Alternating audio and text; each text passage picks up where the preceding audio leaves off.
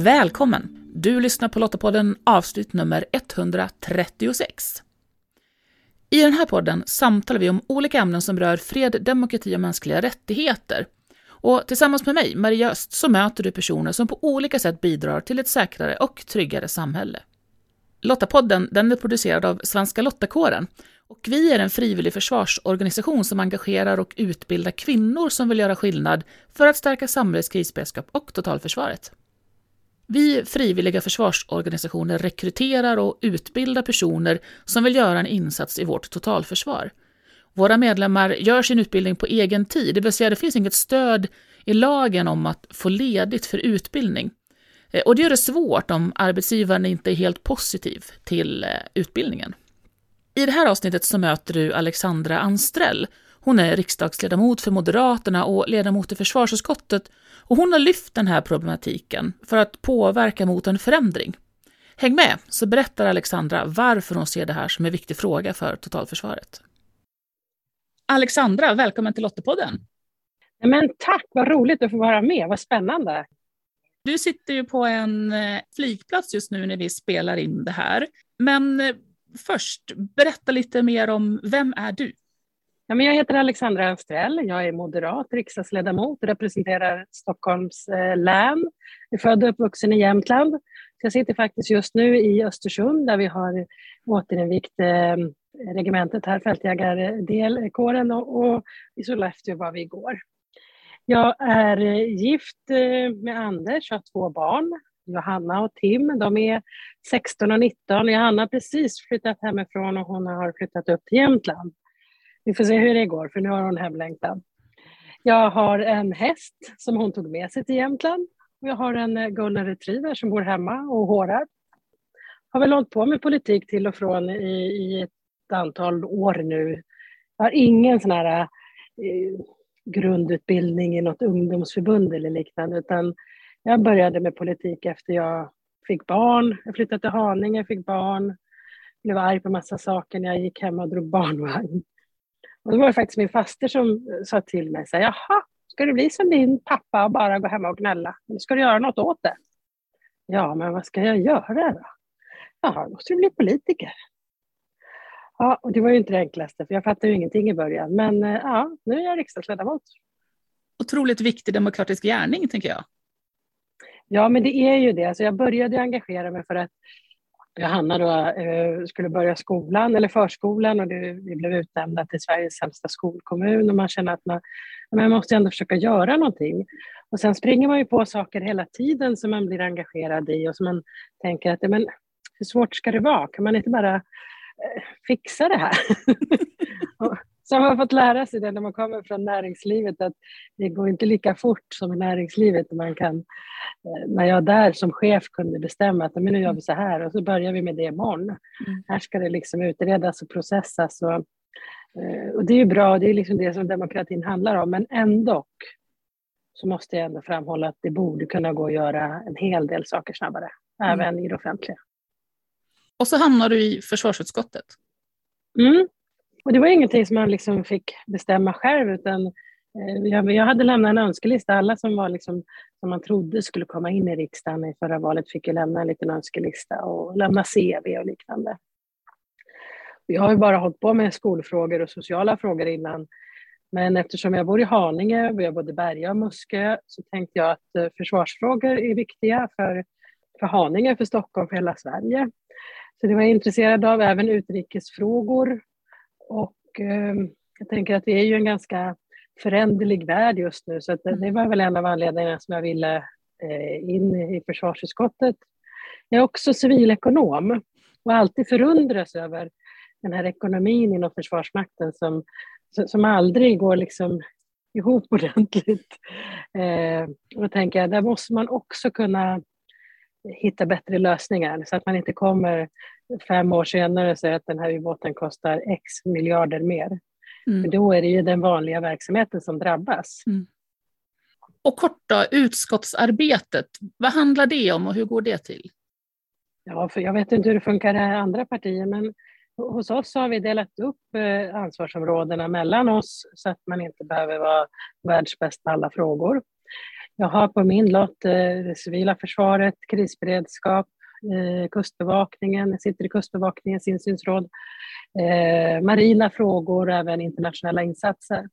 Så när det kommer ärenden som gäller det, då är det jag som är liksom den som ansvarar för att grotta ner mig i förslagen, komma med saker som jag kanske tycker är, är, behöver förbättras och så måste jag ju då övertala min grupp att alla ska tycka att det är en bra idé. Och de andra gör likadant i de andra eh, ämnesområdena. Så det är ju oftast en proposition som kommer från regeringen som vi ska tycka någonting om. Till exempel eh, nu under hösten har det ju varit att vi ska tillbaka eller fortsätta i val, då kommer det till utskottet. Det kan också vara, det kommer ju alltid in väldigt många enskilda motioner under hösten. Och alla som gäller våra, vårt utskott, då, då klustras de ihop. Så det som gäller det civila försvaret blir som en egen, eh, ett eget ärende. Och så jobbar man med det och ser hur man kan förbättra och få till bra beslut. Mm. Och då har man ju det utskottet en och två och tre gånger och sen går det vidare upp till riksdagen för debatt och sen mm. beslut. Just det, så partierna i utskottet först pratar ihop sig och, och bollar mm. och, mm. och debatterar? Inte så mycket i utskottet debatterar vi faktiskt, utan eh, till skillnad från om man sitter i en eh, nämnd en kommun, där kan man göra rätt mycket snack på mötena. Liksom. Vi, vi, man har bestämt sig lite innan eller förpratat och så vidare. Så mötena hos oss, ska jag säga, det ser väldigt olika ut i olika utskott, ska jag säga.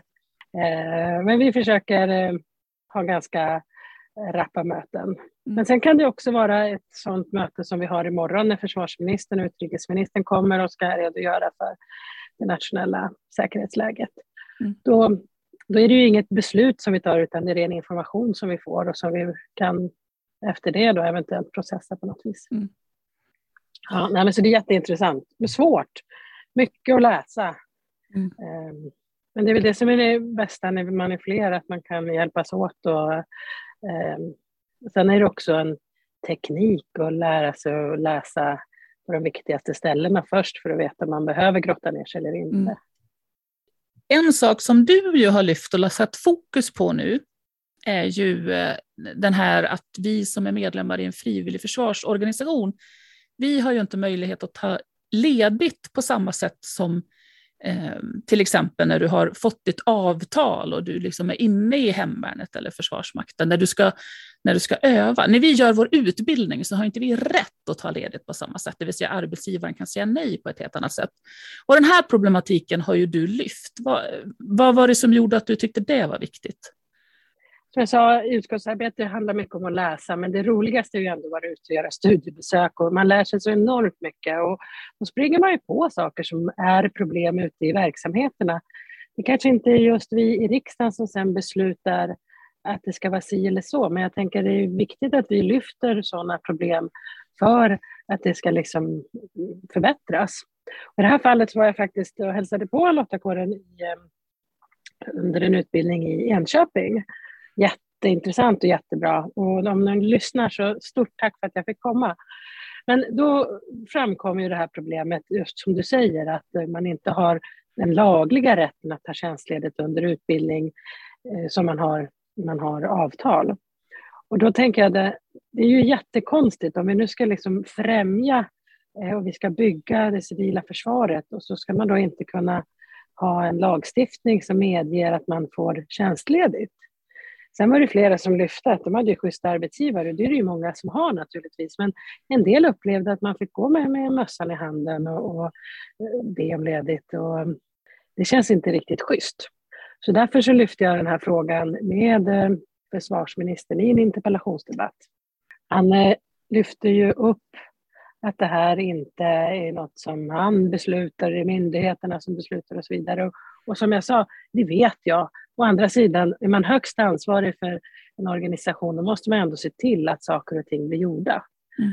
Jag tycker att jag hade en ganska bra approach där jag faktiskt föreslog att vi kan väl sätta oss ner och se alla sådana här saker som kommer fram. Nu som man faktiskt behöver åtgärda för att det ska gå smidigt framåt. Mm. Det är likadant med lokalbehovet, fick jag också höra att det är svårt att hitta lokaler till utbildningarna.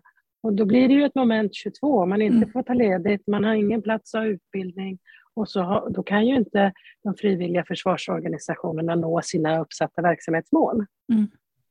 Eh, ja, så det var därför det här kom upp och, och då kände jag att vi måste förbättra, vi måste jämna ut uh, marken för att det ska gå snabbare framåt. Men det, och det är som du säger, eh, hur, hur det här liksom sen tas vidare och vad som blir verkstad av det är ju inte, är inte Peter Hultqvists, försvarsministerns, ansvar. Men, men just som du säger, att lyfta upp det och ändå få det på agendan och, och få personer att prata om det, det uppskattar ju vi otroligt väldigt mycket också. Så tack, stort tack för det. Det är ju mm, tillsammans som man gör saker och får mm. fram saker och, och, då tänker jag att eh, nu fick ju jag informationen. Det är ju många som inte hade fått den informationen och, och då är det ju viktigt att ja, men belysa den. Och, och jag kommer naturligtvis ta det vidare när jag träffar eh, myndigheter också. Att liksom, har, ni, har ni tänkt på det här? Det är ju någonting man behöver göra. Mm. Sen kan inte jag gå och peka med hela armen och säga att man ska göra någonting. Men eh, jag tycker man behöver lyfta problemen för att annars kan man inte göra något åt dem. Men just då vikten av att de frivilliga försvarsorganisationerna kan göra sin verksamhet och, och, och som sagt fylla sitt uppdrag. Varför är det viktigt? Men alltså, har vi inte det civila försvaret, alltså, då får vi inte till något schysst totalförsvar överhuvudtaget. Det militära klarar sig inte utan de frivilliga försvarsorganisationerna och all annan frivillig verksamhet. Då kan vi aldrig nå uppsatta mål. Vi har ju väldigt mycket fokus nu på den militära delen av totalförsvaret och, och även om vi satsar pengar i en budget för hela totalförsvaret, den civila delen, så behövs det lyftas högre på agendan tycker jag, för att annars så kommer det aldrig bli synkroniserat. Vi kommer inte gå i takt. Så därför så tänker jag att man behöver ja, för oss moderaters räkning, vi skulle gärna vilja ha ett departement, till exempel ett totalförsvarsdepartement, så skulle det liksom synkas bättre, tror jag. Men det är bara en organisatorisk del, men framför allt att man lyfter upp och förbättrar så att vi snabbare kan växa upp och växla upp i alla delar. Så, så, när jag var på den här utbildningen i Enköping och Svenska Lottakåren där så eh, visar ju det hur otroligt viktigt det är med era kompetenta, duktiga människor som hjälper till när det blir en kris och som också laddar för att kunna vara med om det skulle bli krig. Mm. Eh, jag menar, alltså, det skulle ju inte gå utan er. Ja, det är ett enormt engagemang som, som medlemmarna i de frivilliga försvarsorganisationerna har. Eh, det är fantastiskt. Vet du, jag var faktiskt unglotta en gång i tiden här i Östersund. På, jag vill minnas att vi var på då tidens A4 och hade någon eh, utbildning. Och sånt där. Mm. Men det var ju väldigt länge sedan. det är min försvarsbakgrund. det är inte så illa det. Nej. Ja, och så får du göra sådana här roliga saker då, som som sagt att vara och besöka oss, men också nu då vara uppe och besöka och, och vara med och inviga nya regementen. Det måste ju vara jättespännande. Jättespännande och framförallt är det ju alltså det är viktigt för hela Sverige och inte minst i tanke på det säkerhetsläge som är just mm. nu. Och eh, då känns det extra kul.